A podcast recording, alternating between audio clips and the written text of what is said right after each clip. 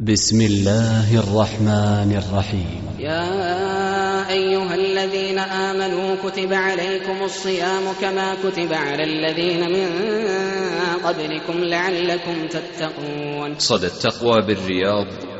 تقدم. رمضان أقبل. قم بنا يا صاحي. هذا أوأن تبتل وصلاح واغنم ثواب صيامه وقيامه. تسعد بخير دائم وفلاح رتب رتب رمضان إن الله عز وجل جعل رمضان مضمارا لخلقه يتسابقون فيه بطاعته إلى مرضاته. فسبق قوم ففازوا. وتخلف آخرون فخابوا. فالعجب من الضاحك الله في اليوم الذي يفوز فيه المحسنون ويخسر المبطلون. رتب رتب رمضان يا صائمي رمضان فوزوا بالمنى وتحققوا نيل السعادة والغنى وثقوا بوعد الله إذ فيه الهنا. أوليس هذا القول؟ قول إلهنا الصوم لي وأنا أجزي به. من صام نال الفوز من رب العلا. رتب. فكلما كان التصور لديك عظيما عظيما في معرفتك بالأجر بمعرفتك بالخير الذي ستناله في الدنيا وفي الآخرة جاءت تصرفاتك خيرا بإذن الله تعالى. رتب رتب. فلما يا أخي الكريم؟ لما؟ لا نجعل هدفا كبيرا لنا في هذا الشهر هو أن يغفر الله عز وجل لنا. كما أن رمضان فرصة للمغفرة. فرمضان يحتاج إلى إلى قرار منك. قرار شجاع. قرار تتخذه فتبتعد عن كل عادة سلبية تعيشها في حياتك. لتبدأ عادة جميلة ورائعة. رتب رمضان. ينبغي أن تربي نفسك بنفسك. فالنفس بحاجة إلى تربية وانضباط. وهذا جهد شخصي منك. لا تنتظر أحدا يدفعك من الخلف ويقول لك لابد أن تعمل. لا, لا. أنت اجتهد على نفسك. لأنه في الأخير أنت. أنت من ستدخل في القبر لوحدك. أنت. أنت من ستحاسب لوحدك. أنت. أنت من ستقف يوم القيامة لوحدك. ولقد جئتمونا فرادا كما خلقناكم أول مرة وتركتم وتركتم ما خولناكم وراء ظهوركم وما نرى معكم شفعاءكم الذين زعمتم أنهم فيكم شركاء. لقد تقطع بينكم وضل عنكم ما كنتم تزعمون. فصومك بحاجة إلى المحافظة عليه. المحافظة عليه في أثناء الصيام في أثناء النهار والمحافظة عليه بعد الإفطار. فينبغي أن تصوم جوارحنا في أثناء النهار. قال النبي صلى الله عليه وسلم من لم يدع قول الزور والعمل به فليس لله حاجة أن يدع طعامه وشرابه. ليست القضية يا أخي الكريم هي صوم عن الطعام والشراب. والعين غادية رائحة فيما حرم الله. واللسان يفري في أعراض الله. ولهذا السلف كانوا يقولون لم نكن نعد العباد في زماننا الذين يصلون الليل ويصومون النهار. إنما كنا نعد العابد فينا الذي يمنع نفسه لسانه من الكلام في الناس. والذين لا يشهدون الزور وإذا مروا باللغو مروا كراما. والذين إذا ذكروا بآيات ربهم لم يخروا عليها صما وعميانا. اللغو اليوم في شاشة الكمبيوتر في موقع إنترنت اللغو اليوم في مقاطع الفيديو المصورة اللغو اليوم في قنوات فضائية اللغو اليوم في إذاعة تسمع فيها ما حرم الله عز وجل. رتب. رتب ولذلك ينبغي أن تكون حذرا على صيامك مهتما به كأنه لوحة جميلة منقوشة رائعة قد صممت على أحسن قياس وأتمه. ومن ثم فلا تفرط في مثل هذا الأمر. رتب. رتب ليس الشأن أن تحب الله. هذا أمر عادي لأن هذا هو الواجب عليك فهو المنعم عليك سبحانه وتعالى. وما بكم من نعمة فمن الله. لك الحمد يا رب والشكر على كل نعمة أنعمت بها عليه ليس الشأن أن تحب الله ولكن الشأن أن يحبك الله. أن يحبك الله. أول هدف. إذا أول هدف ينبغي أن نحرص عليه في هذا الشهر هو الحسنات. فافتح باب الحسنات لديك وكثفه في هذا الموسم وهم بالخير. يعطيك الله عز وجل أجر همك ونيتك. ولهذا إذا ثقلت عليك الطاعة فتذكر أنها أنيستك في القبر. هي التي ستؤنسك. هي التي ستؤنسك. الصادق مع الله لا يضيعه الله سبحانه وتعالى. رتب رتب. زينة الحياة الدنيا اليوم نوم عن الصلاة. رتب رمضان. زينة الحياة الدنيا حرص على التدخين. زينة الحياة الدنيا استمرار في معاصي الله تعالى. كن يا أخي صاحب همة. ابن روحك في هذا الشهر. وسأصدقك القول. والرائد لا يكذب أهله. إذا أردت أن تكون روحك في الأعلى احرص على كتاب الله جل وعلا. رتب رتب رمضانك. رتب رمضانك. محاضرة لفضيلة الشيخ علي بن محمد الشبيلي. بسم الله الرحمن الرحيم. الحمد لله رب العالمين وصلى الله وسلم وبارك على نبينا محمد وعلى آله وصحبه وسلم تسليما كثيرا إلى يوم الدين. أما بعد أيها الإخوة والأخوات سلام الله عليكم ورحمته وبركاته. وأسعد الله أوقاتكم بكل خير. في أول رمضان صامه النبي صلى الله عليه وسلم. عندما هل هلاله ضج ذلك الدعاء من بين شفتي النبي عليه الصلاة والسلام ليكون درسا للأمة على مر العصور. عندما رأى هلال أول رمضان قال صلى الله عليه وسلم الله أكبر اللهم أهله علينا بالأمن والإيمان والسلامة والإسلام والتوفيق لما تحب ربنا وترضى. ربنا وربك الله.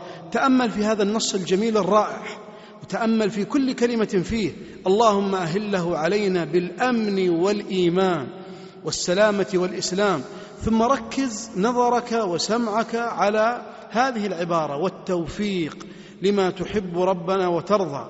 فإذا وفقك الله عز وجل كنت محظوظا في هذه الدنيا. ولهذا شهر رمضان موسم خير وبركة. فمن استثمره استثمره الاستثمار الصحيح كان موفقا عند الله تعالى. ولهذا يقول الحسن البصري رحمه الله تعالى إن الله عز وجل جعل رمضان مضمارا لخلقه يتسابقون فيه بطاعته إلى مرضاته. فسبق قوم ففازوا وتخلف آخرون فخابوا. فالعجب من الضاحك الله في اليوم الذي يفوز فيه المحسنون ويخسر المبطلون. إن فهم الدين بهذه الطريقة وفهم الحياة بهذا الأسلوب هو الذي يجعل لرمضان قيمة. فالذي يعرف بأن هذه الحياة هي مضمار سباق لكي يلاقي الإنسان ربه عز وجل وقد حصل قدرا كبيرا من الحسنات. والموفق كل التوفيق أيها الإخوة الكرام هو من يسعى إلى استثمار كل لحظة من لحظات هذا الشهر. ولذا الناس صنفان كما قسمهم النبي صلى الله عليه وسلم وكما جاء في كلمة لأحد السلف. فالنبي عليه الصلاة والسلام قسم الناس إلى قسمين مؤمن قوي ومؤمن ضعيف. المؤمن القوي خير وأحب إلى الله من المؤمن الضعيف. والمؤمن القوي هو الذي يكون نشيطا صاحب همة في كل باب من أبواب الخير فتجده قد ضرب سهما في كل مجال من مجالاته. وهذا الشهر فرصة لكل واحد منا أن يستثمره بطاعة الله جل وعلا. وأعجبتني عبارة لأحد السلف في قصة مشهورة مذكورة في كتب التاريخ وهي أن رجلا ذهب إلى البادية فقابل شخصا في الطريق فاستضافه ذلك الشخص. فلما دخل إلى المنزل وصلوا المغرب والعشاء وانتهوا من صلاتهم سمعوا صوتا بالقرآن يتلى إلى الفجر. فقال صوت من هذا الذي يتلى إلى الفجر بالقرآن الكريم؟ قال هذا صوت أختي تقرأه كل ليلة. قال أنت أولى بهذا من أختك فأنت شاب وقوي وتعرف وكذا وكذا. فقال يا أخي أما علمت أن الناس صنفان؟ موفق ومخذول. انظر للتوفيق صورة التوفيق في رمضان. انظر الحرص على قراءة القرآن والاهتمام بتكبيرة الإحرام والحرص على الفرائض الخمس كاملة والاهتمام بالتراويح وكذلك الوتر حتى ينتهي الإنسان من صلاته كاملة. كل هذا نوع من أنواع التوفيق. بينما تجد في الجهة الأخرى أناس في وقت صلاة الناس للتراويح والقيام يلعبون الكرة أو يضيعون أوقاتهم فيما لا ينفعهم. إذا أردت أن تعرف السر الحقيقي في هذا؟ فتأمل في هذه العبارة أما علمت أن الناس صنفان موفق ومخذول.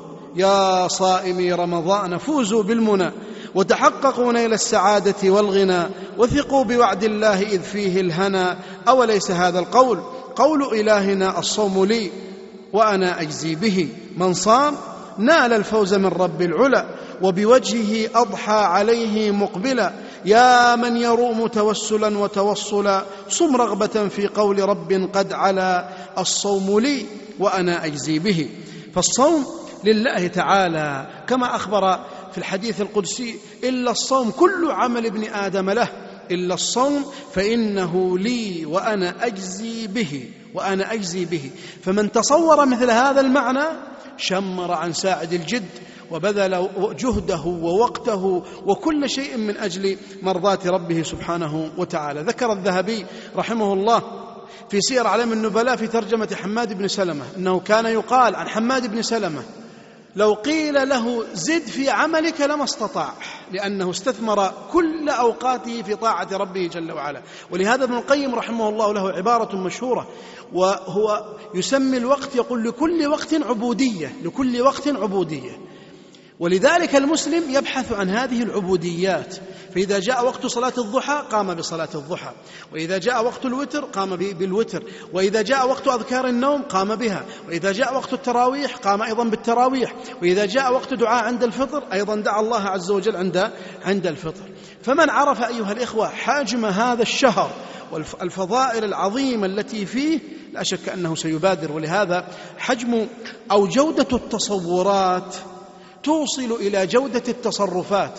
فكلما كان التصور لديك عظيما عظيما في معرفتك بالأجر بمعرفتك بالخير الذي ستناله في الدنيا وفي الآخرة جاءت تصرفاتك خيرا بإذن الله تعالى. ولهذا رمضان فرصة فرصة لأن يبذل الإنسان في طاعة الله عز وجل أوقاته وأيامه وأسبوعه وشهره كله كاملا رمضان فرصة لأنه كسر لعادة قد اعتاد عليها الإنسان في أكله وشربه ونومه وغير ذلك. وأيضا رمضان فرصة لأن داعي الخير أقوى. فالنبي صلى الله عليه وسلم كما جاء في الحديث في حديث سلمان وفيه ضعف إلا أنه قال في عليه الصلاة والسلام لما صعد على المنبر مبشرا لهم برمضان أخبرهم بأن قد فتحت أبواب الجنة. وغلقت أبواب النيران وصفدت الشياطين وكل هذا داع إلى داع إلى الخير. فيصبح داعي الخير أقوى عند الإنسان بل ويرتفع مستوى مستوى الإيمان عنده. وكل هذا يا أخي الكريم من أجل أن تقترب من الله أن تصلح علاقتك مع الله. والله يريد أن يتوب عليكم ويريد الذين يتبعون الشهوات أن تميلوا ميلا عظيما. وتأمل معي في بداية هذا الشهر قول النبي صلى الله عليه وسلم رغم أنف امرئ أدركه رمضان فلم يغفر له. رغم أنف امرئ أدركه رمضان فلم يغفر له. لاحظ معي هذا الحديث. إنه دعاء من المصطفى صلى الله عليه وسلم أن يرغم الله أنف ذلك الرجل في التراب الذي أدرك شهر رمضان فلم يغفر له. لماذا؟ لأن رمضان فرصة فرصة للطاعة فرصة للبعد عن المعاصي فرصة, فرصة أيضا للبعد عن كثير من العادات التي اعتاد عليها الإنسان من عاداته السيئة وغيرها.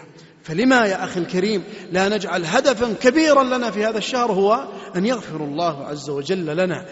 كما أن رمضان فرصة للمغفرة فرمضان يحتاج إلى إلى قرار منك قرار شجاع قرار تتخذه فتبتعد عن كل عادة سلبية تعيشها في حياتك لتبدأ عادة جميلة ورائعة.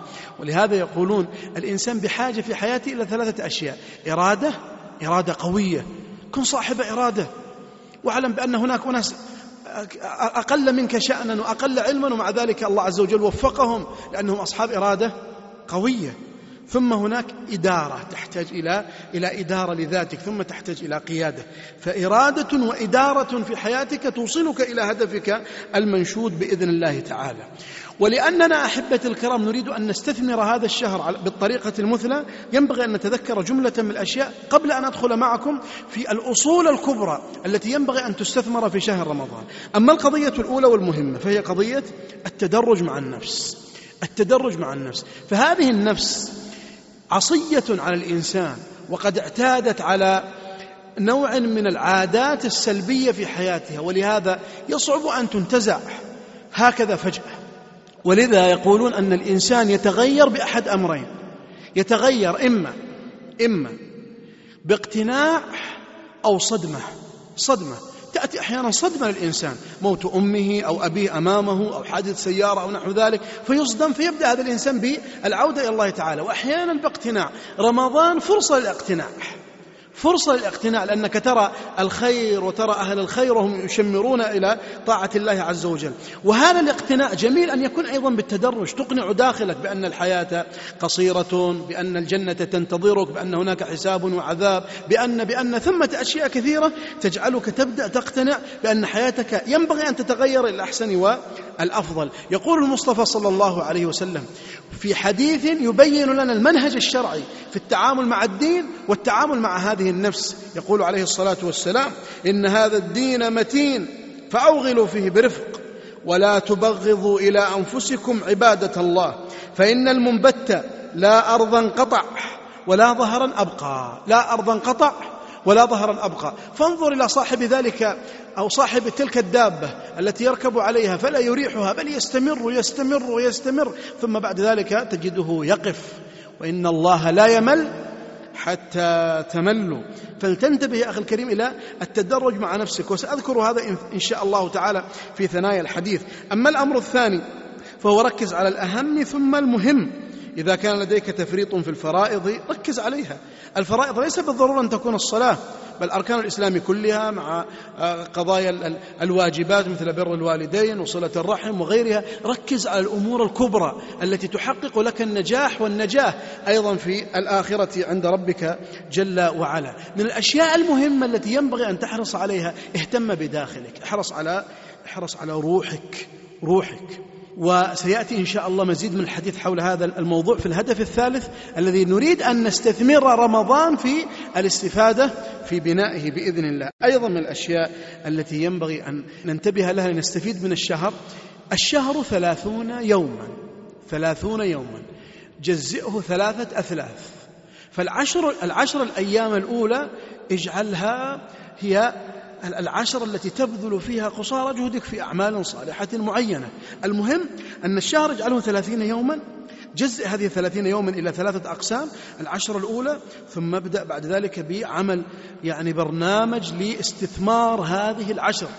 إذا انتهيت من العشر الأولى أغلق عليها وادخل في العشر الثانية بنفس أخرى متجددة بهمة عالية. لا كما, لا كما يفعل بعض الناس. والله المستعان. فتجده يتحمس في بداية الشهر ثم بعد ذلك يبدأ وينخفض هذا التحمس أو الحماس الموجود لديه. نحن نريدك أن تستمر في الطاعة وألا تتوقف أبدا لأن بعض الناس تجدهم في رمضان كالتالي. تجد لديهم حماس ثم فتور.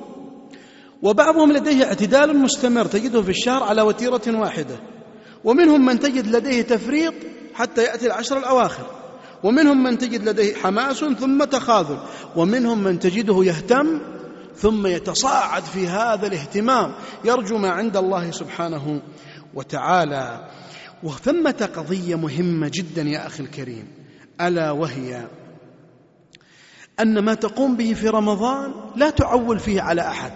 لأن بعض الناس اعتاد على أنه إذا كان مقصرا رمى بعيوبه وتقصيره على الآخرين وهذا خاطئ.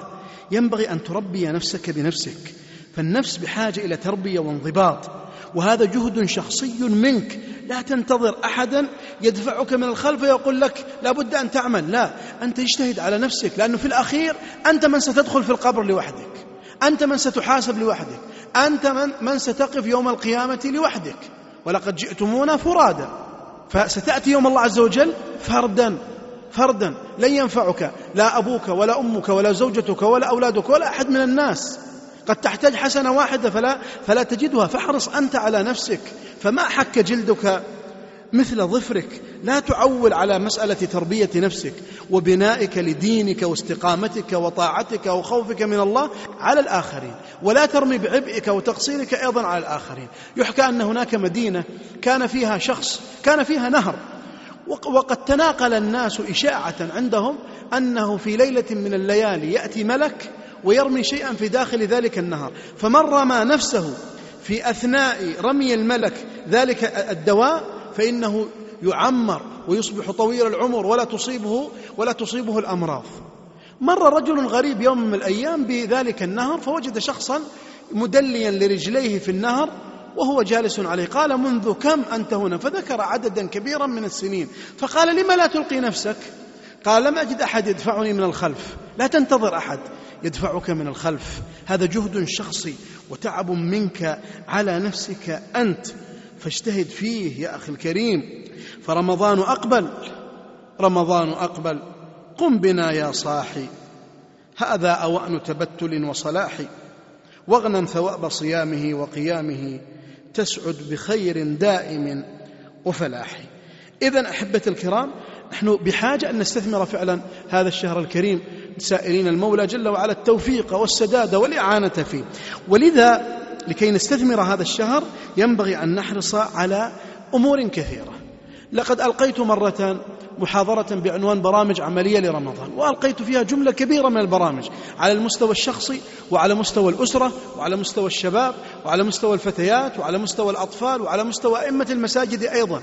ولكنني في هذا اللقاء أريد أن أنحى منحا آخر لأجعل قضايا كبرى نحن بحاجة إليها في شهر رمضان ثم ندع لكل واحد منا المجال ليبذل ما يستطيعه في هذه النقاط التي سأذكرها الآن. فأقول يا أخي الكريم لكي نرتب رمضاننا ونستثمره بالشكل الصحيح لنحرص على ثلاثة أهداف كبرى فيه. هذه الأهداف الثلاثة إذا حققناها بإذن الله حققنا الغرض الذي شرع الله عز وجل من أجله الصيام. يقول الله سبحانه وتعالى يا أيها الذين آمنوا كتب عليكم الصيام كما كتب على الذين من قبلكم لعلكم تتقون. إذا القضية الكبرى التي من أجلها شرع هذا الصوم هو تقوى الله سبحانه وتعالى. والتقوى عندما نعرفها من خلال كلام أهل العلم نرى أنها تركز على ثلاثة أمور. الأمر الأول تعظيم الجليل. تعظيم الجليل. الله عز وجل والعمل بالتنزيل. ما هو العمل بالتنزيل؟ يعني أن تعمل بطاعة الله وأن تجتنب عما عما حرمه الله عز وجل ونهى عنه. ومن خلال هذا التعريف أقول أن هناك ثلاثة أهداف ينبغي أن تحرص عليها في شهر رمضان. أما الهدف الأول فهو استغلال الموسم لزيادة الدخل زيادة الدخل حسناتك.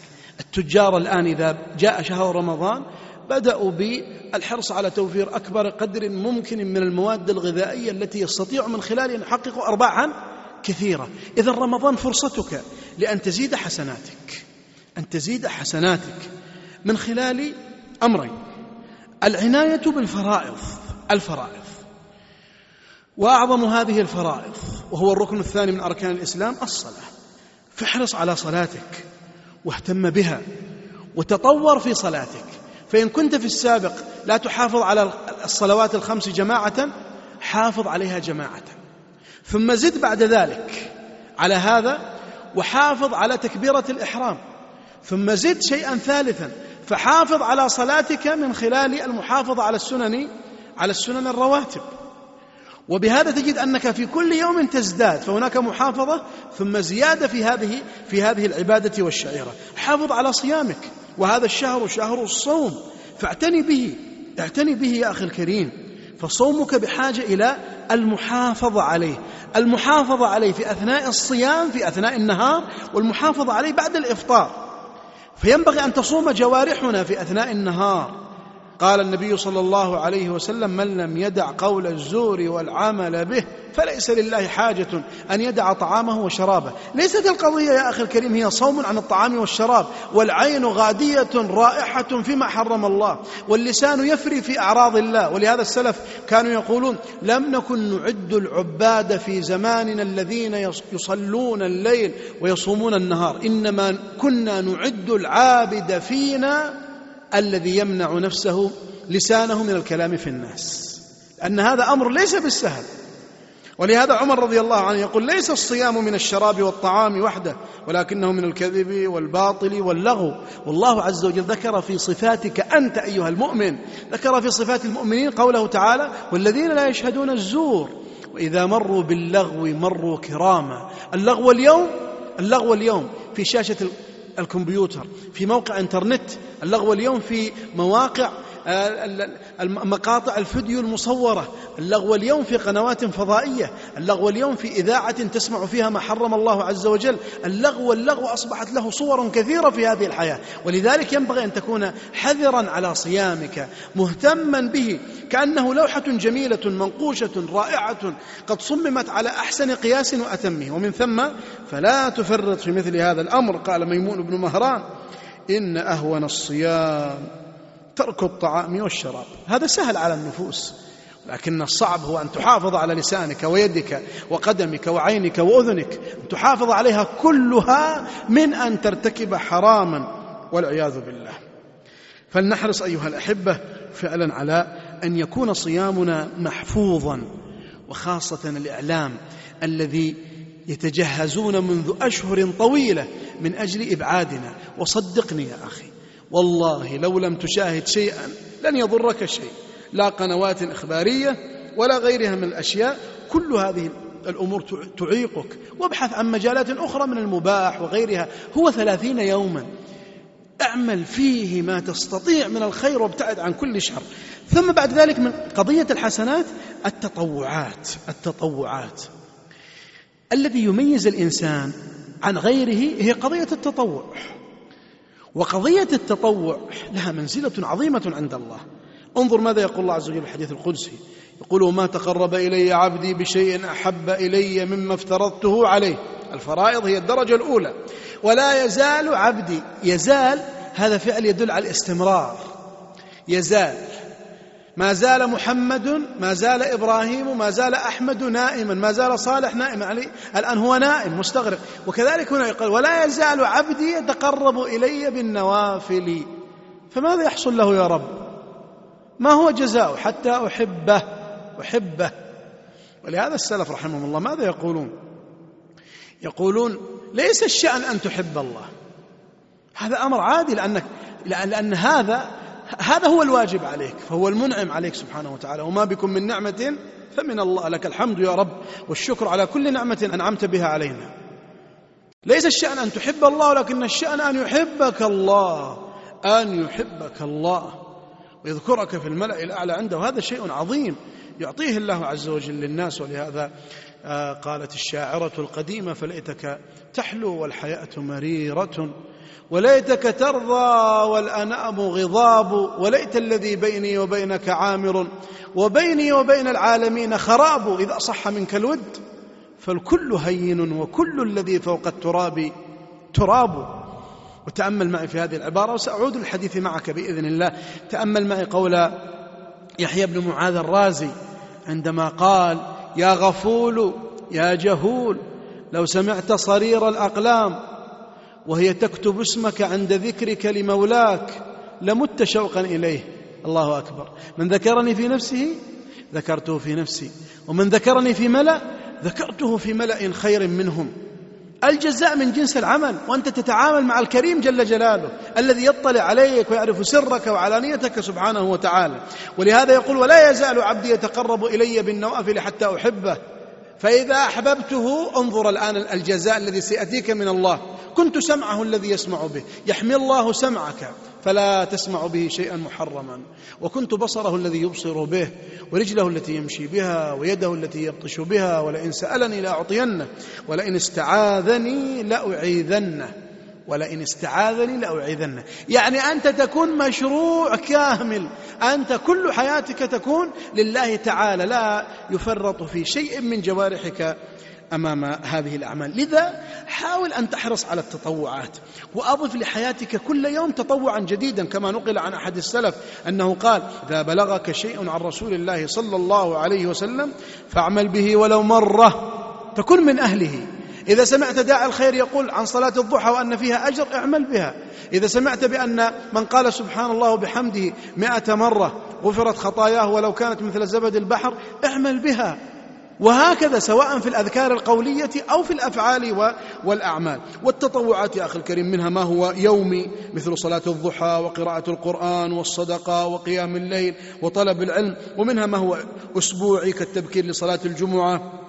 والذهاب مثلا لزيارة مريض وقراءة الكهف في يوم الجمعة وغيرها من الأشياء. وهناك أيضا تطوعات شهرية كصيام الثالث عشر والرابع عشر والخامس عشر وهكذا. إذا هناك عبادات وتطوعات ينبغي أن تستثمرها في هذا الشهر وأن تعود نفسك عليها. فإن الخير عادة عودوا أنفسكم فإن الخير عادة أنت ترى أحيانا كبير سن في المسجد وهو يصلي ولا يكاد يقف. لماذا؟ لأنه حفظ جوارحه في الصغر فحفظته في الكبر. إذا أخي الكريم أضف كل يوم شيئا جديدا من التطوعات. في شهر رمضان مثلا عندك أربع جمع أو خمس جمع وأربع أيضا خميس. فالخميس والجمعة اجعله جلوس للإشراق. واتفق مع بعض جيرانك من جماعة المسجد. واجلسوا اذكروا الله عز وجل. اقرأوا بشكل منفرد. تدبروا القرآن مع بعض. اقرأوا شيئا من حديث رسول الله صلى الله عليه وسلم. وتنقضي الساعة بسرعة. ثم تعودون إلى بيوتكم. وقد كسبتم حجة وعمرة تامة تامة كما قال المصطفى صلى الله عليه وسلم. اقرأ أيضا. اقرأ في كتب الترغيب والترهيب. في كتب فضائل الأعمال. في كتاب مثل رياض الصالحين أو فضائل الأعمال أو المتجر الرابح للدمياطي أو الترغيب والترهيب للمنذري وغيرها من الكتب التي حثت الناس على سنن معينة منقولة عن المصطفى صلى الله عليه وسلم. إذا أول هدف ينبغي أن نحرص عليه في هذا الشهر هو الحسنات. فافتح باب الحسنات لديك وكثفه في هذا الموسم. وهم بالخير. يعطيك الله عز وجل أجر همك ونيتك. فقد قال صلى الله عليه وسلم من هم بحسنة فلم يعملها كتبت له حسنة. أيضا تخلص تخلص من الأوهام تخلص من الأوهام التي تمنعك عن كثير من الحسنات. بعض الناس لديه وهم وهو من أحد الأوهام مثلا استمرار الأحوال على ما هي عليه. يظن بعض الناس أنه تستمر قوته وصحته وعافيته وغيرها من الأشياء وهذا لا يحصل يا أحبة الكرام. الصحة والمال والجاه وغيرها أشياء تتنقل بين الناس. ولذا حدث نفسك يا أخي الكريم بأنه قد يأتي يوم من الأيام تمنع من هذه الأعمال الصالحة. هناك أناس الآن في المستشفيات ما كانوا يتصوروا يوم من الأيام أنه سيصيبه كسر في العمود الفقري. أبدا. ولم يتصور أنه سيكون مشلولا شللا رباعيا. أنت يا أخي في نعمة أنت في نعمة. وعز وشرف. الله عز وجل وهب لك عمرك حينما وهب لك صحتك. فاغتنم يا أخي صحتك قبل مرضك وفراغك قبل شغلك وشبابك قبل هرمك وحياتك قبل موتك. أنت في يوم من الأيام سوف توضع في قبرك. يسألون عنك الناس فيقولون مات رحمه الله؟ سألت الدار تخبرني. عن الأحباب ما فعلوا. عن الأحباب. هذا الأحباب قد يكون عمك خالك صديقك زوجتك أبوك أمك ولدك. كم ودعنا أيها الإخوة؟ أليس في هذا معتبر؟ أليس في هذا متعظ؟ أن في يوم من الأيام نحن الذين سندخل في داخل ذلك اللحد سألت الدار تخبرني عن الأحباب ما فعلوا. فقالت قد أناخ القوم أياما وقد رحلوا. فقلت فأين أطلبهم؟ وأي منازل نزلوا فقالت بالقبور وقد لقوا والله ما فعلوا. لقوا والله ما فعلوا. وأنت ستلقى أنت أنت الذي تسمعني الآن. ستلقى يا أخي الكريم ما فعلت هنا. ولهذا إذا ثقلت عليك الطاعة فتذكر أنها أنيستك في القبر. هي التي ستؤنسك. يتبع الميت ثلاثة أهله وماله وعمله. أهله وماله وعمله. أهلك يعودون والسيارة التي كنت أنت تقودها جئت محمولا فيها إلى المقبرة وبقي عملك هو الذي سيظل معك في المقبرة هو الذي سيظل معك في قبرك في لحدك. فاتق الله يا أخي واحرص على كل عمل صالح تلقى به الله جل وعلا. ثم يا أخي إذا نجحت نجاحات صغيرة فاحمد الله عليها. إذا حافظت أسبوعا على تكبيرة الإحرام هذه نعمة من الله عز وجل. إذا هذا أول هدف هو استغلال الموسم لزيادة الدخل. أما الأمر الثاني أحبة الكرام فهو الاستفادة من رمضان لتغيير طويل الأمد. النبي صلى الله عليه وسلم أخبر عنا نحن فقال كل بني آدم خطاء فأنا وأنت والناس كلهم مخطئون بل مغرقون في الخطيئة. ولذا يا أخي الكريم لدينا أخطاء نحتاج أننا نتخلص منها في هذا الشهر. لأن هذا الشهر فرصة للمغفرة. رغم أنف امرئ أدركه رمضان فلم يغفر له فلم يغفر له. رغم أنفه. إذا هي فرصة لأن المغفرة ماذا؟ المغفرة هو ترك أشياء اعتاد عليها الإنسان في حياته من المحرمات. العادة العادة تتكون في داخل الإنسان ويمكن أن تتغير أيضا. يمكن أن تتغير. خذ أمثلة مثلا مما اعتاد عليه الناس من العادات السيئة في حياتهم. التفريط في الصلاة التدخين الغيبة والفري في أعراض الناس التهاجر بين الناس مع بعضهم البعض الإسبال السب والشتم التقصير في صلة الرحم وفي بر الوالدين ضعف الأخوة إطلاق البصر فيما حرم الله إلى غير ذلك من الأشياء التي قد يرتكبها الإنسان. ألسنا بحاجة أن نجعل رمضان فرصة لنا في هدف كبير ضخم وهو أن نتخلص من هذه العادات. الآن اجلس مع نفسك جلسة صدق بعد صلاة الفجر أو في وقت لا, لا, لا يزاحمك فيه أناس واجلس مع نفسك وافعل التالي. حدث نفسك وقل لها ما هي العادة السيئة الموجودة فيني؟ هل أنا مفرط في صلاتي؟ هل أتكلم في أعراض الناس؟ هل أنا أدخن؟ هل أنا شخص مرتكب لمحرم معين؟ هل أنا مهاجر للناس؟ هل لدي خصومة مع أحد من أقاربي أو جيراني أو نحو ذلك؟ هل تعلم يا أخي الكريم بأن النبي صلى الله عليه وسلم يقول ثلاثة لا ترفع صلاتهم فوق رؤوسهم شبرا؟ وذكر منهم رجل هجر أخاه فوق ثلاث ليال؟ ألم تعلم يا أخي بأن النبي صلى الله عليه وسلم يقول أحسب أنهما إذا مات على صراميهما يعني وهم متهاجران دخل النار دخل النار. ألا تعلم يا أخي بأن الأعمال تعرض على الله يوم الاثنين والخميس؟ فيغفر الله جل وعلا لكل أحد إلا مشرك ومشاحن هل أنت من هذا النوع؟ إذا تخلص من هذا الأمر. كن رجلا كبيرا يا أخي. الكبار الرجال الكبار المسلم الكبير هو المسلم يا إخوة الكرام الذي يتنازل عن حظه عن حظ نفسه. التنازل والعفو عن الآخرين رفعة في الدنيا وفي الآخرة. فلا تفرط في هذا الأجر. وكن صاحب المعروف. والنبي صلى الله عليه وسلم يقول وخيرهم الذي يبدأ بالسلام. إذا لدى كل إنسان منا عادة عادة. ورمضان فرصة لتغيير العادات. لماذا؟ لأن ال الذي يعينك على استمرار هذه العادة وهو الشيطان مصفد. فهناك فرص كثيرة تجعل هذه العادات بإذن الله تبتعد عنك وهي تصفيد الشياطين تغير نمط الحياة في حياة الناس. أيضا يمكن قهر النفس بسهولة بل وتجد تعاون الناس بعضهم مع بعض. تجد أن صلاة التراويح سهلة عليك أن غيرها من العبادات سهلة عليك ترك التدخين سهل عليك أيضا. اليوم النهار قرابة ستة عشر ساعة في أيام الصيف معناه أنت ثلثي اليوم لا تدخن. ثلثي اليوم لا تدخن. إذا لا تدخن الثلث الآخر. لكن استعن بالله. كن صادقا صادقا. الصادق مع الله لا يضيعه الله سبحانه وتعالى. ولكي تكون عادة يا أخي الكريم لكي تكون عادة. أولا أوجد الرغبة. عندما تريد أن تكون عادة أوجد رغبة في داخلك بالتخلص من هذا الأمر. حدث نفسك بالأجر الذي ستحصل عليه بمجرد تركك لهذه العادة. سواء الهجر أو الغيبة أو النوم عن الصلاة أو التدخين تصور أنك في هذا الشهر لا تدخن أبدا وتكون هي توبة نصوح انظر ما الذي يحصل لك. أولا أطعت الله عز وجل.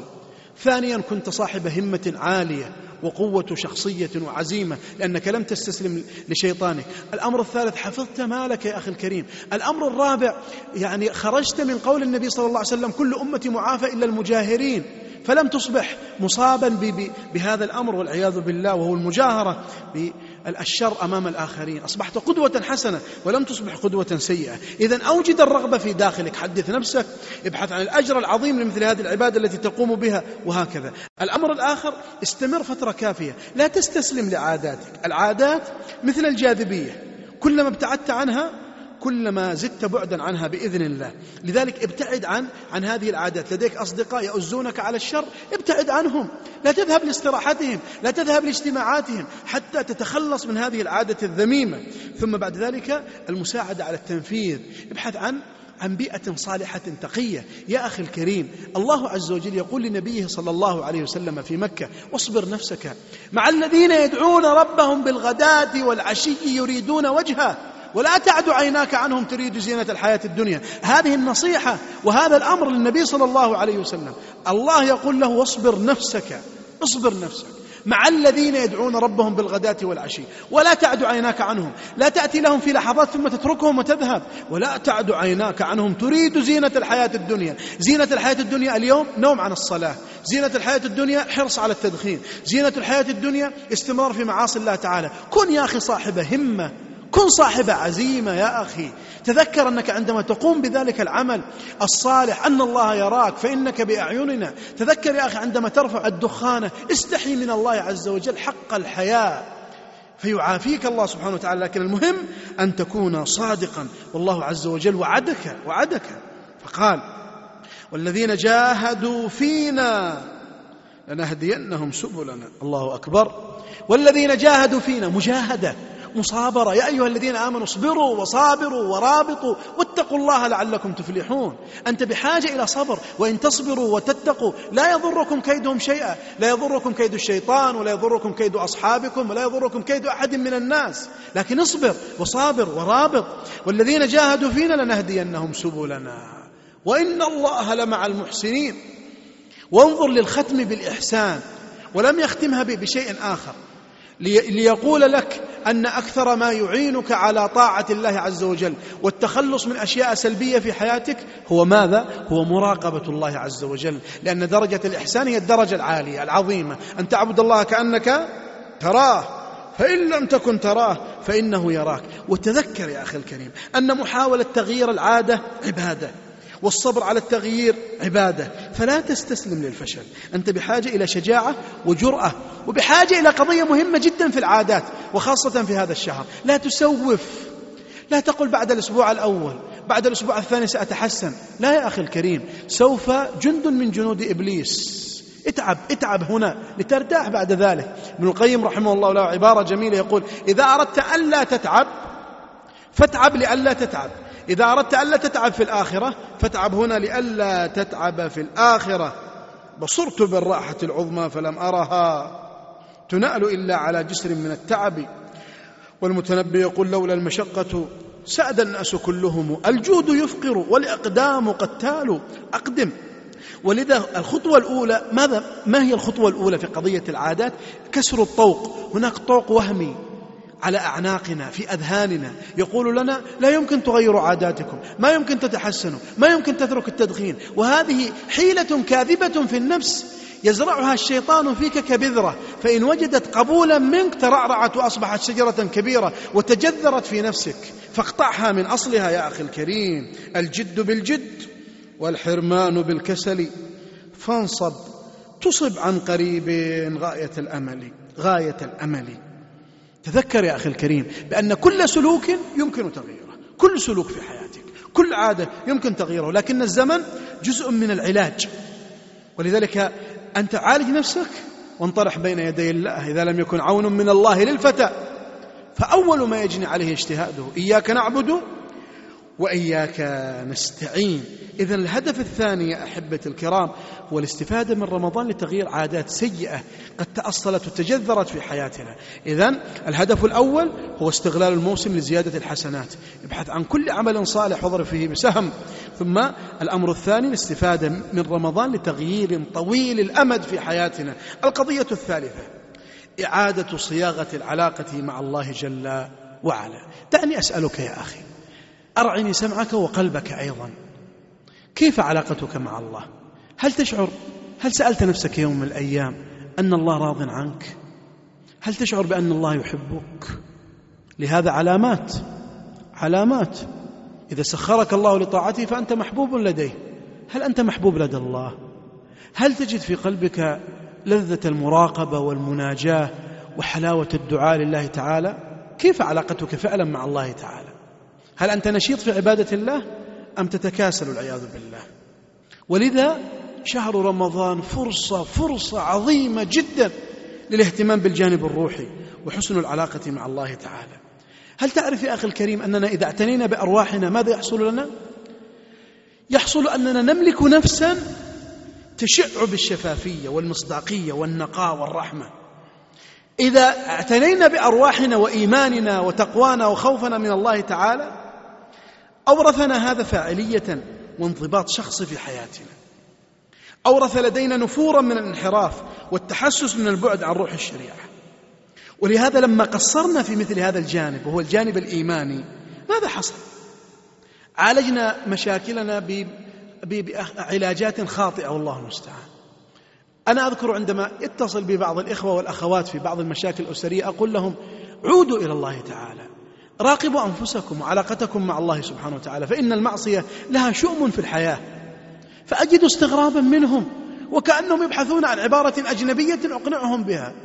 لا يا أيها الإخوة إن الله تعالى قال ومن أعرض عن ذكري فإن له معيشة ضنكا ونحشره يوم القيامة أعمى. المعيشة الضنك لها صور كثيرة. معيشة ضنك مع الزوجة ومعيشة ضنك مع الزوج ومعيشة ضنك مع الأولاد ومعيشة ضنك في العمل. لماذا؟ لأن هناك إعراض عن الله تعالى. هذه آية عظيمة ينبغي أن تنتبه لها. ومن أعرض عن ذكري ذكري شرعي ديني عبادتي صلاتي ومن أعرض عن ذكري فإن له معيشة ضنكا. ونحشره يوم القيامة أعمى. لما فرطنا في الاعتناء بأرواحنا أيها الإخوة قست قلوبنا. قست قلوبنا. انظر لنفسك في رمضان. متى تدمع عينك يا أخي الكريم؟ تجد أناسا يبكون في المسجد وتجد أناس يستهزئون بهم إذا خرجوا من المسجد.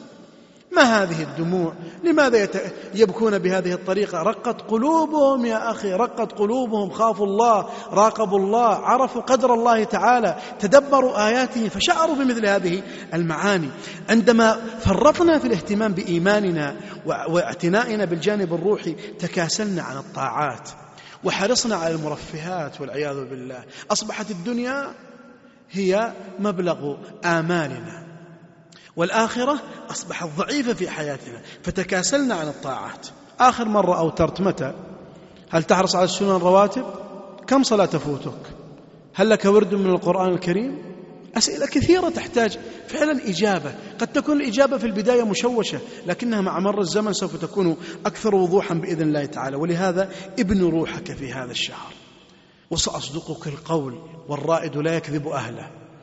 إذا أردت أن تكون روحك في الأعلى احرص على كتاب الله جل وعلا. ارتبط بالقرآن الكريم وتدبر في آياته. وانظر يا أخي الكريم كيف سيكون أثر القرآن على على قلبك. طهر نفسك أيضا من الأمراض الفتاكة. في داخل الإنسان حسد وسوء ظن وكبر وغرور وحب دنيا وغفلة وتعالي على الناس. طهر نفسك من هذه الأشياء. واعلم بأنك عبد ضعيف. عبد ضعيف. مرة خرج رجل وجيه وخرج والناس تهتف باسمه وموكب كبير ونحو ذلك فاقترب منه جندي من الجنود فقال له سيدي تذكر أنك إنسان. أنت أنت تذكر أنك إنسان. بحاجة إلى الله تعالى بحاجة إلى أن تطهر قلبك لأن هذا القلب إما أن يملأ بخير وإما أن يملأ بشر. فاملأه بخير يا أخي الكريم. أيضا من الأشياء التي تطهر القلب الإكثار من ذكر الله ومراقبته والحياء منه. اذكر الله عز وجل. قل لا إله إلا الله. قل سبحان الله. الحمد لله. الله أكبر. قل يا أخي لا حول ولا قوة إلا بالله. أكثر من الصلاة على المصطفى صلى الله عليه وسلم. كل هذا سوف يطهر داخلك. لأن الداخل عندما تعمل يعمل الإنسان معصية يشوه الداخل. يشوه. أرأيت الثوب عندما يقع عليه قلم؟ انظر كيف يتصخ فلما يبدأ بنظافته يبدأ هذا ينظف فعلا. أيضا القراءة في كتب اليوم الآخر. عندما تقرأ في اليوم الآخر وأشراط الساعة والجنة والنار والوقوف بين يدي الله والصراط والميزان وطرق أبواب الجنة والدخول إلى إلى بيتك والحور العين التي التي تنتظرك ولقي النبي صلى الله عليه وسلم وبقية الأنبياء ورؤية الله عز وجل في جنات عدن. ألا يحمسك هذا؟ إلى أن تطهر قلبك ويكون نظيفا. طهر قلبك فالمحك الحقيقي في قلبك. إن الله لا ينظر إلى صوركم. لا ينظر إلى صوركم. إنما ينظر إلى هذه القلوب التي هي محط الأعمال. والله المستعان. أيضا حاسب نفسك ولمها على ما يصدر منها. واحرص على استقامة سلوكك وابتعد عن المعاصي. كل هذا بإذن الله سيعينك على تطهير قلبك. وحبذا القراءة في كتب الأسماء والصفات التي تعرف فيها ربك جل جلاله. فعندما تمر بك آية فيها العليم الحكيم الخبير العظيم إلى غير ذلك تجد لها نكهة في قلبك يا أخي الكريم. سرعان ما وصلوا سرعان ما ارتحلوا. كأنهم عن مطايا الغيب ما نزلوا. عجبت لم يبق ممن قبلنا رجل وحسرتاه على من غره الأمل. لا يغرك الأمل لا يغرك الأمل. فالموت يأتي فجأة والقبر صندوق العمل. القبر صندوق العمل. وصدق الشاعر حينما قال وصلوا إلى مولاهم وبقينا وتنعموا بوصاله وشقينا. ذهبت شبيبتنا وضاع زماننا ودنت منيتنا فمن ينجينا. فتجمعوا أهل القطيعة والجفا نبكي شهورا قد مضت وسنينا. العمر يمضي يا أخي إلى أين أنت ذاهب؟ قل إن الموت الذي تفرون منه فإنه ملاقيكم. ثم تردون إلى عالم الغيب والشهادة. أنت متجه إلى الآخرة أنت سائر إلى الله تعالى. فلا تفرط يا أخي الكريم. في مثل هذه الأشياء. واعبد ربك حتى يأتيك اليقين. الله عز وجل يقول ولا تكونوا كالتي نقضت غزلها من بعد قوة أنكاثا. فإذا عملت هذه الأعمال الصالحة حافظ عليها واستمر عليها واسأل الله عز وجل التوفيق فيها حتى تلقى الله عز وجل وهو راض عنك سبحانه وتعالى. وثمة مجموعة من الأفكار أيضا أذكرها في آخر يعني هذا اللقاء الذي أسأل الله عز وجل أن ينفع به وأن يجعله خالصا لوجهه الكريم. من الأشياء أحبة الكرام التي ننصح بها مع الإحالة على الشريط الأساسي وهو برامج عملية رمضانية فقد ذكرت جملة كبيرة جدا من البرامج المناسبة للأسرة وغيرها يمكن أن تعود إليها. لكن هنا أذكر بجملة من الأمور التي لا تخفى على الإخوة الكرام. اقرأ كتابا أو كتبا عن الصيام قبل شهر رمضان. هناك كتاب عن فضل رمضان وصيامه للسيد حسين العفاني ومجموعة كبيرة من الكتب الموجودة الآن في كثير من المكتبات وغيرها. اسمع شريطا أيضا عن, عن, عن رمضان وأحكامه حتى تدخل إلى الشهر وأنت مهيأ. احرص على العمرة في شهر رمضان المبارك فإن من حرص على العمرة قد أخبر النبي صلى الله عليه وسلم بأنه يكفر وينفي الذنوب كما ينفي الكير خبث الحديد. وتأمل يعني أناس كانوا حريصين على العمرة بشكل عجيب. قال عن أبي إسحاق قال حج الأسود ثمانين ما بين حجة وعمرة. وقال أيضا أبو إسحاق حج عمرو بن ميمون ستين مرة وحج أبو عثمان النهدي ستين مرة.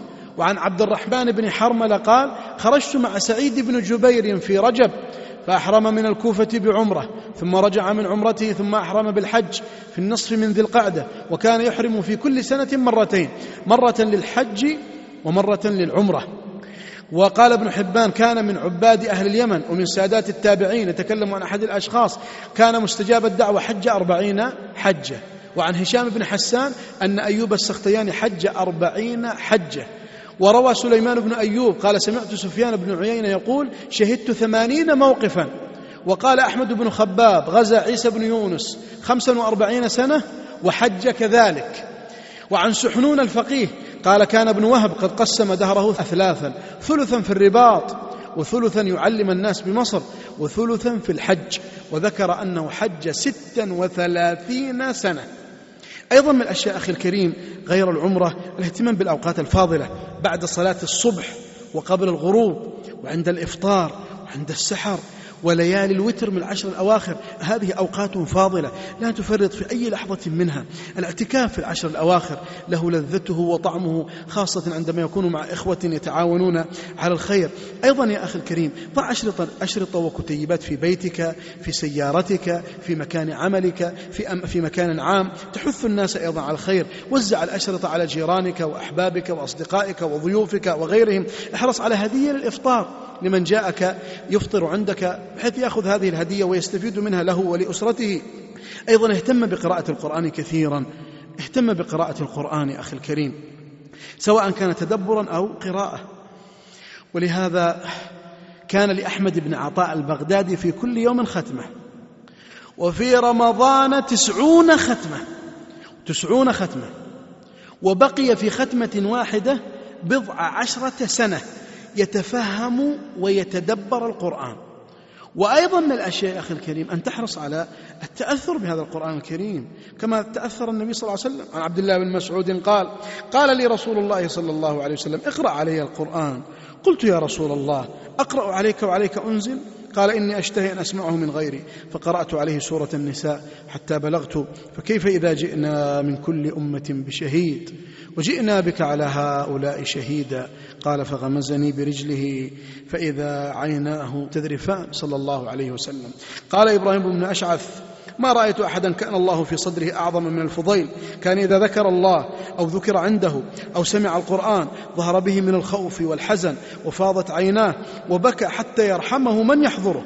وكان دائم الحزن شديد الفكرة. ما رأيت رجلا يريد الله بعلمه وعمله وأخذه وعطائه ومنعه وبذله وبغضه وحبه وخصاله كلها غيره. كنا إذا خرجنا معه في جنازة لا يزال يعظ ويذكر ويبكي كأنه مودع أصحاب ذاهب إلى الآخرة حتى يبلغ المقابر فيجلس مكانه. بين الموتى من الحزن والبكاء حتى يقوم وكأنه رجع من الآخرة. انظر لتأثرهم بالقرآن ولمعرفتهم بقدر الله عز وجل. ولهذا كانوا يتلذذون بالقرآن وكأنه أنزل التو وكأنهم هم المخاطبون به. قال أحمد بن ثعلبة سمعت سلما الخواص. قال قلت لنفسي يا نفس اقرأ القرآن كأنك سمعتيه من الله حين تكلم به. فجاءت الحلاوة عندئذ جاءت الحلاوة عندئذ. فاحرص يا أخي الكريم على كثرة قراءته وعلى تدبره والتأمل فيه. لهذا قال أبو العباس بن مسروق حدثنا يحيى الحماني قال لما حضرت أبا بكر الوفاة بكت أخته فقال لها ما يبكيك؟ انظري إلى تلك الزاوية فقد ختمت فيها بضعة ألف من القرآن الكريم. ختمات كلها يختمها. وعن المأمون أنه تلا في رمضان ثلاثا وثلاثين ختمة. وكان محمد بن إسماعيل يختم في رمضان في النهار كل يوم ختمة. ويقوم بعد التراويح كل ثلاث ليال ختمة. وختم الكتاني في الطواف بضع آلاف من الختمات. انظروا كيف كيف يهتمون بهذا الأمر، أيضا يا أخي الكريم احرص على قضية الصدقة، والصدقة لها صور كثيرة في رمضان. صف الأشياء التي في بيتك من كتب وأشرطة وملابس وحاجيات لا تحتاجها وتبرع بها لأناس في داخل بلدك أو خارج بلدك أو غيرها من الأشياء. اجعل لك في كل يوم مثلا أو في كل أسبوع مصحف تعطيه لجالية من الجاليات أو تعطيه لمكتب تعاوني وغير ذلك. اشترك يا أخي في الأعمال التطوعية الموجودة وهذه صدقة من نفسك، التفطير العناية بتنظيف المساجد لما لا تأتي أنت وعائلتك بعد صلاة التراويح وتنظف المساجد وتبخروها؟ انظروا كم لكم من الأجر. يا أخي الكريم وأنا هنا أحث على الصدقة والبذل والخير خاصة في مجالات في مجالات الدعوة والعلم والبذل ونفع الناس وغيرها من خلال المنافذ الموجودة الآن في بلادنا بحمد الله من مكاتب تعاونية وغيرها. فالله عز وجل يبارك لك والنبي صلى الله عليه وسلم قمة في الصدقة. وكان أجود ما يكون في رمضان صلى الله عليه وسلم. وكان أجود من الريح المرسلة. فاقتدي به صلى الله عليه وسلم. انظر لعثمان كيف كانت نفقته. وعبد الرحمن بن عوف كيف كانت نفقته. رضي الله تعالى عنه. وعائشة كيف بذلت كل شيء عندما وصلها مئة ألف فوزعتها حتى لم تجد إفطارا لها. أي شيء هذا أيها الإخوة؟ عن زيد بن أسلم قال لما نزل من ذا الذي يقرض الله قرضا حسنا قال أبو الدحداح فداك أبي وأمي يا رسول الله إن الله يستقرضنا وهو غني عن القرض. قال نعم يريد أن يدخلكم الجنة. قال فإني قد أقرضت ربي قرضا يضمن لي به ولصبية الدحداحة. معي الجنة؟ قال نعم. قال ناولني يدك. فناوله رسول الله صلى الله عليه وسلم يده فقال إن لي حديقتين إحداهما بالسافلة والأخرى بالعالية. والله لا أملك غيرهما قد جعلتهما قرضا لله تعالى. قال رسول الله صلى الله عليه وسلم اجعل إحداهما لله والأخرى دعها معيشة لك ولعيالك. قال فأشهدك يا رسول الله أني قد جعلت خيرهما لله تعالى. انظر خيرهما. لماذا؟ لأنهم فهموا قول الله تعالى. لن تنالوا البر حتى تنفقوا مما تحبون. إني قد جعلت خيرهما لله تعالى وهو حائط فيه ستمائة نخلة. قال إذا يجزيك الله به الجنة يا أبا الدحداح. فانطلق أبو الدحداح حتى جاء أم الدحداح وهي مع صبيانها في الحديقة تدور تحت النخل. فأنشأ يقول لها هداك ربي سبيل الرشاد إلى سبيل الخير والسداد. بيني يعني اخرجي. بيني من الحائط بالوداد. فقد مضى قرضا إلى التنادي أقرضته الله على اعتمادي بالطوع لا من ولا ارتداد إلا رجاء الضعف في المعاد. فارتحلي بالنفس والأولاد والبر لا شك فخير زادي قدمه المرء إلى المعاد. فقالت أم الدحداح ربح بيعك. انظر للمرأة التي تعينه. ولا تقدم فستانها أو غيرها من ترهات الدنيا على الآخرة. قالت أم الدحداح ربح بيعك. بارك الله لك فيما اشتريت. ثم أجابته فقالت بشرك الله بخير وفرح. مثلك أدى ما لديه ونصح. قد متع الله عيالي ومنح بالعجوة السوداء والزهو البلح. والعبد يسعى وله ما قد كدح. طول الليالي وعليه ما اشترح. ثم أقبلت أم الدحداح على صبيانها. تخرج ما في أفواههم وتنفض ما في أكمامهم حتى أفضت إلى الحائط الآخر.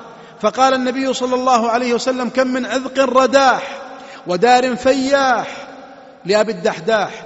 فثقوا يا عباد الله فيما عند الله عز وجل. وما أنفقتم من شيء فهو يخلفه. والذي يقرض الله عز وجل يضاعفه له سبحانه وتعالى. من ذا الذي يقرض الله قرضا حسنا فيضاعفه له. يا أيها الناس تأملوا في قول الله جل وعلا وهو يقول يا أيها الذين آمنوا لا تلهكم أموالكم ولا أولادكم عن ذكر الله ومن يفعل ذلك فأولئك هم الخاسرون. وأنفقوا مما رزقناكم. من قبل أن يأتي أحدكم الموت فيقول ربي لولا أخرتني إلى أجل قريب. فأصدق وأكن من الصالحين. لا زلت يا أخي في وقت المهلة. فتصدق فتصدق. وكن كما قال الأول تعود بسط الكف حتى لو أنه ثنأها لقبض لم تجبه أنامله. تراه إذا ما جئته متهللا كأنك تعطيه الذي أنت سائله. هو البحر. من أي النواحي أتيته فلجته المعروف والبحر ساحله ولو لم يكن في كفه غير روحه لجأد بها. فليتق الله سائله ومن الأفكار أيضا والبرامج التي ينصح بها جلسة رمضانية مع الأسرة والعائلة. في وقت تختاره الأسرة إما بعد صلاة المغرب أو غيرها. ومن الأشياء أيضا مسابقات قرآنية وربط الأبناء بالقرآن الكريم من خلال جملة من الأسئلة وغيرها التي ترتبط بكتاب الله جل وعلا. وجميل أن يكون هناك جدول للتعاون الأسري بين الأسرة فتتوزع الأعمال حتى يشعروا بأهمية وجودهم في البيت. وحبذا أيضا عمل مشروع خيري عائلي من خلال جمع احتياجاتهم وحاجياتهم الزائدة عن عن ما يريدونه ثم يتبرع بها لآخرين. وجميل أيضا أن تكون هناك هدنة مع وسائل الإعلام والأجمل أيضا أن تكون هناك مكتبة رمضانية تتوفر فيها أشياء جميلة ورائعة من الكتب والقصص وغيرها التي تملأ فراغا مفيدا ونافعا بإذن الله. وهذه جملة أيضا من الأفكار للأسرة في رمضان. أسردها لكم على عجل للتذكير بها ويمكنكم العودة إلى الشريط الأصلي وهو برامج عملية رمضانية. أما الأمر الأول فضع أهدافا لك والأسرة وعلقها في مكان بارز في المنزل لتبقى عالقة في الذهن. يحرص أفراد الأسرة على الوصول إليها. مثلا يكون ضمن الأهداف ختم القرآن ثلاث مرات أو قراءة كتاب مفيد أو غير ذلك من الأشياء. مع الاستمرار بتذكير أفراد الأسرة بثواب الأعمال فالمحفزات لها أهمية كبيرة سواء كانت محفزات مادية أو عبارات تشجيعية. وما أجمل أن تمنح الجوائز في يوم العيد لمن أتم برامجه بنجاح أمام مرأى الجميع. قبل دخول الشهر أيضا جهز الوسائل التي تريد استخدامها خلال الشهر من أشرطة ومطويات وكتيبات وكذلك ما تريد تصويره لتملأ به أوقات الفراغ خاصة من سيصوم لأول مرة. أيضا هيئ أفراد الأسرة لرمضان قبل دخوله بالتحفيز والتشجيع والترقب ومزيد من الشوق. علق جدولا في المنزل يحتوي على البرنامج اليومي المقترح. واحرص على ألا يكون الجدول مثاليا يصعب تطبيقه بل يكون مرنا قابلا للعوارض المختلفة من دعوات إفطار ونحوها. وإذا كان البرنامج موحدا بين أفراد الأسرة فإن هذا مما يدفع الجميع للتفاعل معه بإذن الله. اجعل ضمن الأوراق المعلقة ورقة أو صحيفة حائطية يكتب فيها أسماء أفراد الأسرة بصورة أفقية واكتب أسماء السور أو الكتب أو غيرها على الورقة بصورة عمودية بحيث يتم تضليل الجزء الذي تم إنجازه في الصحيفة وتظهر المنافسة بجلاء بين الأبناء. أيضا لا تنسى يا أخي الكريم مراعاة الفروق الفردية بين أفراد الأسرة فليس بالضرورة ما يصلح لأحد الأفراد يصلح الآخر ولا مانع من أن تحفز أحد أبنائك على الحفظ وآخر على التلاوة وربما تحفز آخرين على حفظ بعض قصار الصور وهكذا. إذا كنت تريد من ربة المنزل التفاعل معك فلا تشغلها بطلب التنويع في الأكل. وحرص على إيجاد برامج تناسبها في مطبخها كسماع الأشرطة وإذاعة القرآن ونحو ذلك. وذكرها بالأجر الكبير الذي ستحظى به من إعداد مائدة للصائمين. ما أجمل أن تصطحب أبناءك معك لصلاة التراويح وتنتقي لهم من المساجد ما يتميز بحسن صوت إمامه وخشوعه وتدبره للآيات وكثرة المصلين ونحو ذلك فيرون هناك أقرانهم ويتلذذون بالعبادة. أيضا عود أبناءك أو إخوانك على إلقاء الكلمات في المنزل سواء كانت مكتوبة أو محفوظة ولو كانت قصيرة. واجعل وقتا للمنبر يستمع فيه الجميع إلى الخطيب ابنك أو أخاك. فسيتعودون بإذن الله على الجرأة بالخطابة ومحادثة الآخرين. أيضا اجعل للأعمال الإغاثية جزءا من وقتك ولو ليومين أو ثلاثة أو حتى يوم واحد. تعمل الأسرة جاهدة لإطعام فقراء الحي أو التعاون مع جمعية خيرية أو التعاون مع مشاريع إفطار الصائمين. ما أروعه من يوم. ذلك الذي سوف تجتمع فيه بأبنائك في المسجد معتكفين متفرغين للعبادة دون كثرة أحاديث. تذهب لذة الاعتكاف. يكفيك يوما واحدا على الأقل 24 ساعة. من الأساليب التربوية الناجعة أيضا إقامة رحلة جماعية للأسرة إلى بلد الله الحرام مكة المكرمة والتخطيط لها وكيفية قضائها وقضاء الطريق. أمر مطلوب أيضا. وحين يوافق وقت الرحلة العشر الأخيرة فينبغي أن لا يفوت الاعتكاف في الحرم. وفق ما هو معروف لدى الإخوة من الأحكام الشرعية فيه. إقامة درس تربوي في التفسير بصفة يومية بعد الفجر أو الوقت المناسب للأسرة يفتح المجال فيه للجميع بأن يشاركوا بما يرونه من أسئلة وفوائد وغير ذلك أو استنباطات تفسيرية من الآيات. ما أجمل أيضا أن يقترح على جميع أفراد الأسرة بأن يتبنى كل واحد منهم تعديل سلوك معين لديه إما تغيير سلوك خاطئ أو تطوير سلوك حسن أو المداومة على عبادة من العبادات. ومن المقترحات أيضا إقامة مسابقة أو مسابقات ترفيهية وتثقيفية للشباب واختيار الوقت المناسب الذي يخلو من العبادات لطرد الملل أولا ولإبعادهم عن الأجواء غير الصحية مثل مشاهدة التلفاز ونحوه. كتابة لوحات معبرة وإيحائية مثل من صام رمضان إيمانا واحتسابا ويوضع خط تحت إيمانا واحتسابا للتذكير بالإخلاص جعل عبارة مثلا إجعل رمضان انطلاقة جديدة لحياة سعيدة. أيضا عبارة إجعل رمضان هذا العام مختلفا ولك حرية اختيار الألفاظ المناسبة واجعلها بخط كبير وعلقها في أماكن بارزة. جرب أن تضع على باب غرفة شقيقتك أو شقيقك أو ولدك أو زوجتك أو زوجك بطاقة تهنئة مع هدية كتيب أذكار. ألم تفكر بعد في كبيرات السن؟ جدتك أو عمتك أو خالتك؟ ما نصيبهم منك في هذا الشهر حتى في التعليم أو الأذكار أو غير ذلك. ما أروع أن تهدي الخادمة أو السائق هدية سجادة صلاة مثلا أو مصحفا مفسرا بلغته. وأن تسمح أيضا للسائق بالذهاب ولو ساعة في الأسبوع لمكتب توعية الجاليات لحضور برامج دعوية هناك.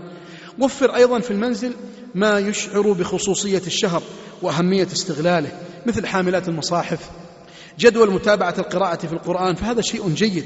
أيضا من الأشياء التي ينصح بها جرب سهرة تاريخية مع أفراد الأسرة حيث تطالع وتقرأ عليهم إحدى الغزوات الشهيرة والمثيرة في شهر رمضان أو غيرها أو وصفا للجنة والنار ويوم القيامة. وحاورهم ولا تنسى الوقوف على مواطن العبرة أيضا. اعمل مسابقة في قراءة كتاب شائق ومفيد بين إخوانك وأبنائك. ماذا لو استضافت الأسرة بعض المساكين في البيت وفطرتهم؟ لينكسر الكبر من النفوس وترق القلوب وتتعلم الشعور بالجسد الواحد. قم بحملة تبرعات للأسرة فيما زاد عن الحاجة. قم بتوعية الأسرة بحال الفقراء والمحتاجين. أرهم صورا مؤثرة. اقترح التصدق بملابس عيد العام الماضي ليفرح بها آخرون. أشغل الصغار ببعض المهارات الفنية والمسلية التي تبعدهم عن التلفاز. اجلب إليهم كراسات التلوين التي تحتوي على رسومات جميلة. افتح لهم جهاز الحاسب واجلب لهم برامج مناسبة ومسابقات شائقة وهكذا. حاول إشعال روح التنافس للمشاركة في برامج إذاعة القرآن الكريم أو قنوات هادفة والتفاعل مع مسابقاتها المفيدة. وجميل أن تتبنى بنفسك نيابة عن أسرتك إيصال زكاة الفطر لمستحقيها. كون فريق عمل من الصغار. اجمعوا الزكوات. اكتبوا قائمة بالمستحقين وزع الفريق إلى مجموعات ولينطلق كل فريق بعد ذلك على بركة الله. واعلم يا أخي بأن أبواب الخير كثيرة كثيرة في هذا الشهر الكريم فلا تفرط لا تفرط فيها. واحرص عليها واحرص أيضا على ليلة القدر فهي خير من ألف شهر كما قال الله جل في علاه. إني نظرت إلى الحياة فلم تكن إلا الصور. فيلم يمر مشاهد بشريط فيديو مستمر فيها القليل من المباهج والكثير من الكدر وصواعد ونوازل ولهاث كلب قد سعر. ما أتعس الإنسان؟ يمضي لا يظل له أثر. أما الذين على يقين فالحياة لهم سفر يتزودون لرحلة والزاد ينفع في السفر. تركوا وراءهم المرابح والخسائر والمزالق والحفر الاستقامة وحدها تنجي العباد من الخطر. فاحذر هداك الله. إن عري السلامة في الحذر. وإذا انزلقت فتب لربك واعتذر. لا تفتننك غادة حسناء أو يوم أغر. إن الظلال الوارفات ستنتهي. وإذا انتهت فقد انتهت. وإلى الكريم المستقر. فاحرص يا أخي الكريم على مستقرك عند ربك جل وعلا. وتذكر في آخر الشهر تذكر. الآية التي كنت تذكر بها وهي قوله تعالى أياما معدودات. فرمضان هو أيام معدودات ثم ستلاقي بعدها ربك جل وعلا أي شهر قد تولى. يا عباد الله عنا حق أن نبكي عليه بدماء لو عقلنا.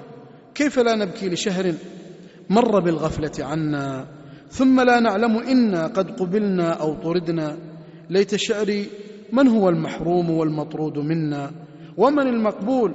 ممن صائم منا فيهنى لا ندري من المقبول ولكننا نسأل الله عز وجل القبول في هذا الشهر وأن يبارك لنا في أعمالنا وأعمالنا.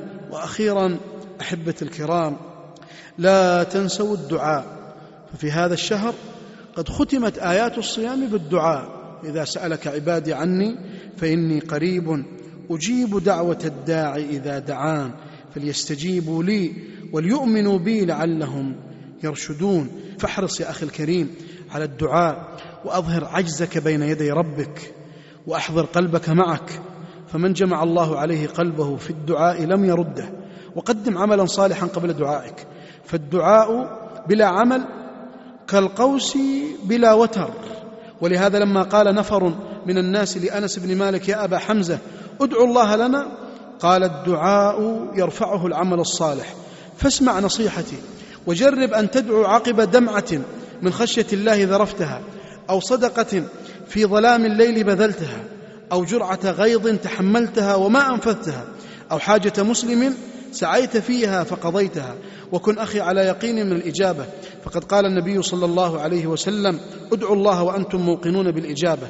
ثم جدد توبتك جدد توبتك. فبالتوبة تغسل ذنوبا سابقة. يبارك الله بعد ذلك لك في عمرك وعملك. وتخير أوقات الطلب في شهر رمضان خاصة عند الإفطار وفي وقت السحر من ساعات الليل وبين الأذان والاقامه ودبر الصلوات المكتوبة وأثناء السجود وآخر ساعة من يوم الجمعة. اللهم يا من يملك حوائج السائلين ويعلم ضمائر الصامتين. يا من لا يزداد على كثرة السؤال إلا جودا وكرما وعلى كثرة الحوائج إلا تفضلا وإحسانا. يا من لا يشغله شأن عن شأن ولا سمع عن سمع ولا تشتبه عليه الأصوات ولا تختلف عليه اللغات. يا من لا يبرمه إلحاح الملحين ولا تضجره مسألة السائلين. اللهم أذقنا برد عفوك وحلاوه مناجاتك وتقبل منا هذا الشهر يا كريم واجعله خالصا لوجهك يا رب العالمين. اللهم اجعلنا ممن يصوم رمضان ايمانا واحتسابا واجعلنا ممن يقومه ايمانا واحتسابا ووفقنا فيه يا رب العالمين لموافقة ليلة القدر فتكتب لنا بها عظيم الأجر يا رب العالمين. شكر الله لكم أيها الإخوة والأخوات والله تعالى أعلم وصلى الله وسلم وبارك على نبينا محمد. شكر الله لفضيلة الشيخ علي بن محمد الشبيلي على ما قدم وجعله في ميزان حسناته. وتقبلوا تحيات إخوانكم في مؤسسة صدى التقوى وتسجيلات التقوى بالرياض. والسلام عليكم ورحمة الله وبركاته. من جديد التقوى. بسم الله الرحمن الرحيم. شهر رمضان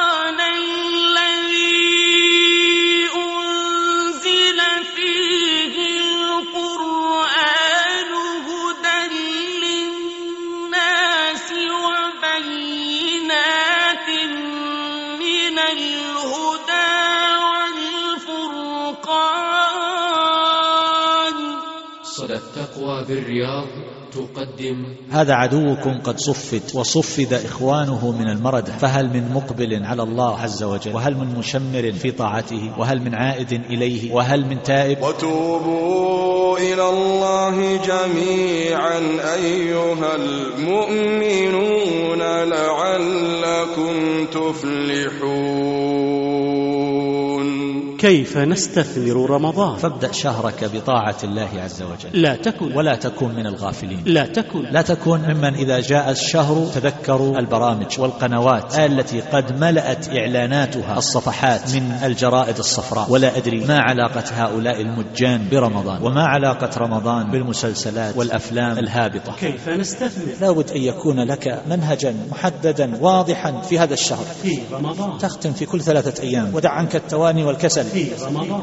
والجنة تحتاج إلى عمل في رمضان. تحتاج إلى مجاهدة في رمضان. تحتاج إلى صبر في رمضان. تحتاج إلى تضحيات. في رمضان. فإن أبيت ففي كل خمس. أما أن يبقى الإنسان يحرحر إلى آخر الشهر قد ينهي ختمه وقد لا ينهي ويقرأ في فضول الأوقات وبين الناس وهم يتحدثون وهو يشرب ويأكل. هذا من التفريط والتضييع. واحد. من صلى مع الإمام ما كتب له فلم ينصرف حتى ينصرف الإمام. كتب له قيام ليلة. واحد. من صام رمضان إيمانا واحتسابا. غفر له ما تقدم من ذنبه. واحد. ومن قام ليلة القدر إيمانا واحتسابا غفر له ما تقدم من ذنبه. هذه ثلاثة وعود. إذا أخطأ الإنسان هذه أصابته الأخرى وإذا أخطأته الأخرى أصابته الثالثة. والمغبون والخاسر من أخطأ هذه جميعا. فرمضان أيها الأحبة هو شهر الصلاة شهر القيام. ليست المنافسة أن نخرج قبل المسجد الآخر. وسارعوا إلى مغفرة من ربكم وجنة عرضها وجنة عرضها السماوات والأرض أعدت للمتقين. إذا أردت أن تعرف حالك في آخر الشهر انظر كم قرأت من القرآن. انظر إلى حالك في إطلاق اللسان والنظر واستغلال الأوقات والاشتغال بما يعني وحفظ الصيام. اجعل ذلك مقياسا. تعتبر به ما بقي من الشهر. فإنه يمضي كلمح البصر. كيف نستثمر؟ فهل بمجرد ما تأفل شمس هذا الشهر من الغد نهجر المساجد؟ بعد رمضان. يهجر كتاب الله عز وجل إلى السنة القادمة في رمضان. هل هذا يليق؟ كيف نستثمر رمضان؟ محاضرة لفضيلة الشيخ خالد بن عثمان السبت. من جديد التقوى.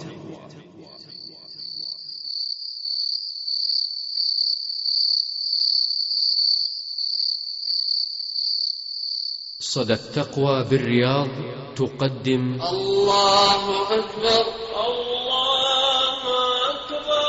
للشيطان في تلبيسه على المصلي ثلاثة مواطن. مداخل الشيطان على المصلي؟ الموطن الأول قبل الصلاة والموطن الثاني في أثناء الصلاة والموطن الثالث بعد فراغه من الصلاة. سمع الله لمن حمده. وصلاة العبد إذا صلحت فهي المقياس لصلاح سائر العمل وفي المقابل إذا فسدت فسد سائر عمله. مدخل الشاهد أن من تلبيس الشيطان على بعض الناس إكساله وتأخيره عن القيام إلى الصلاة ويخشى أن تكون تلك عادة وهي عادة قبيحة ذم الله تعالى بها المنافقين. وإذا قاموا إلى الصلاة قاموا كسالى قاموا كسالى يراءون الناس